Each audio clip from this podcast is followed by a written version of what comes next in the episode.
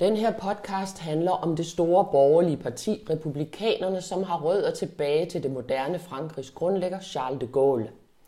Partiet har haft mange navne i de cirka 70 år, det har eksisteret, og nu hedder det altså Republikanerne, Les Républicains. Partiet har en stolt tradition for at besætte præsidentposten i Frankrig. Præsidenter som Jacques Chirac og Nicolas Sarkozy kom fra republikanerne. Men de seneste 10 år er det gået partiet skidt. Det har været ramt af skandaler, blandt andet er Sarkozy blevet dømt for korruption, og interne stridigheder blandt andet om formandsposten har svækket partiet. Præsidentposten har været uden for rækkevidde i længere tid.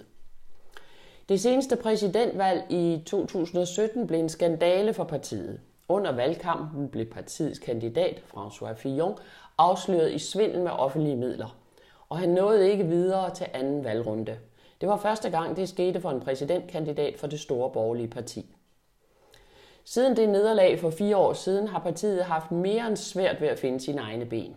Skal det rykke til højre og prøve at få fat i nogle af Marine Le Pens vælgere, eller skal det tværtimod søge ind mod midten, derinde hvor Macron med stor succes samlede et flertal af vælgere i 2017?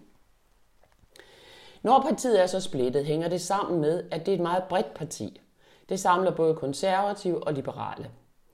Her i Danmark har de to politiske strømninger hver deres parti, Venstre og de konservative.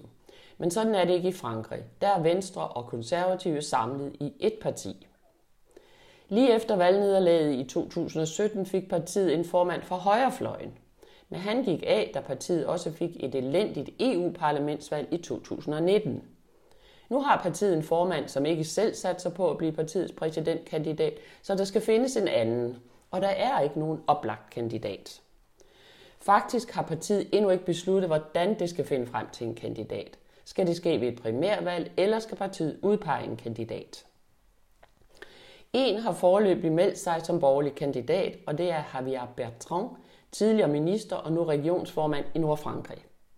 Men der er et problem med ham, nemlig at han har meldt sig ud af partiet for et par år siden, netop i vrede over, at partiet var blevet for højredrejet.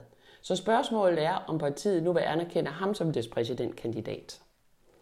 Der er også en mulig kvindelig kandidat, Valérie Pécresse, tidligere forskningsminister og nu borgmester for Paris-regionen, men hun har også forladt det republikanske parti, så hun er heller ikke en oplagt kandidat. Så jagten på den helt rigtige modkandidat til præsident Macron er stadig i gang og vil formentlig være det frem til efteråret.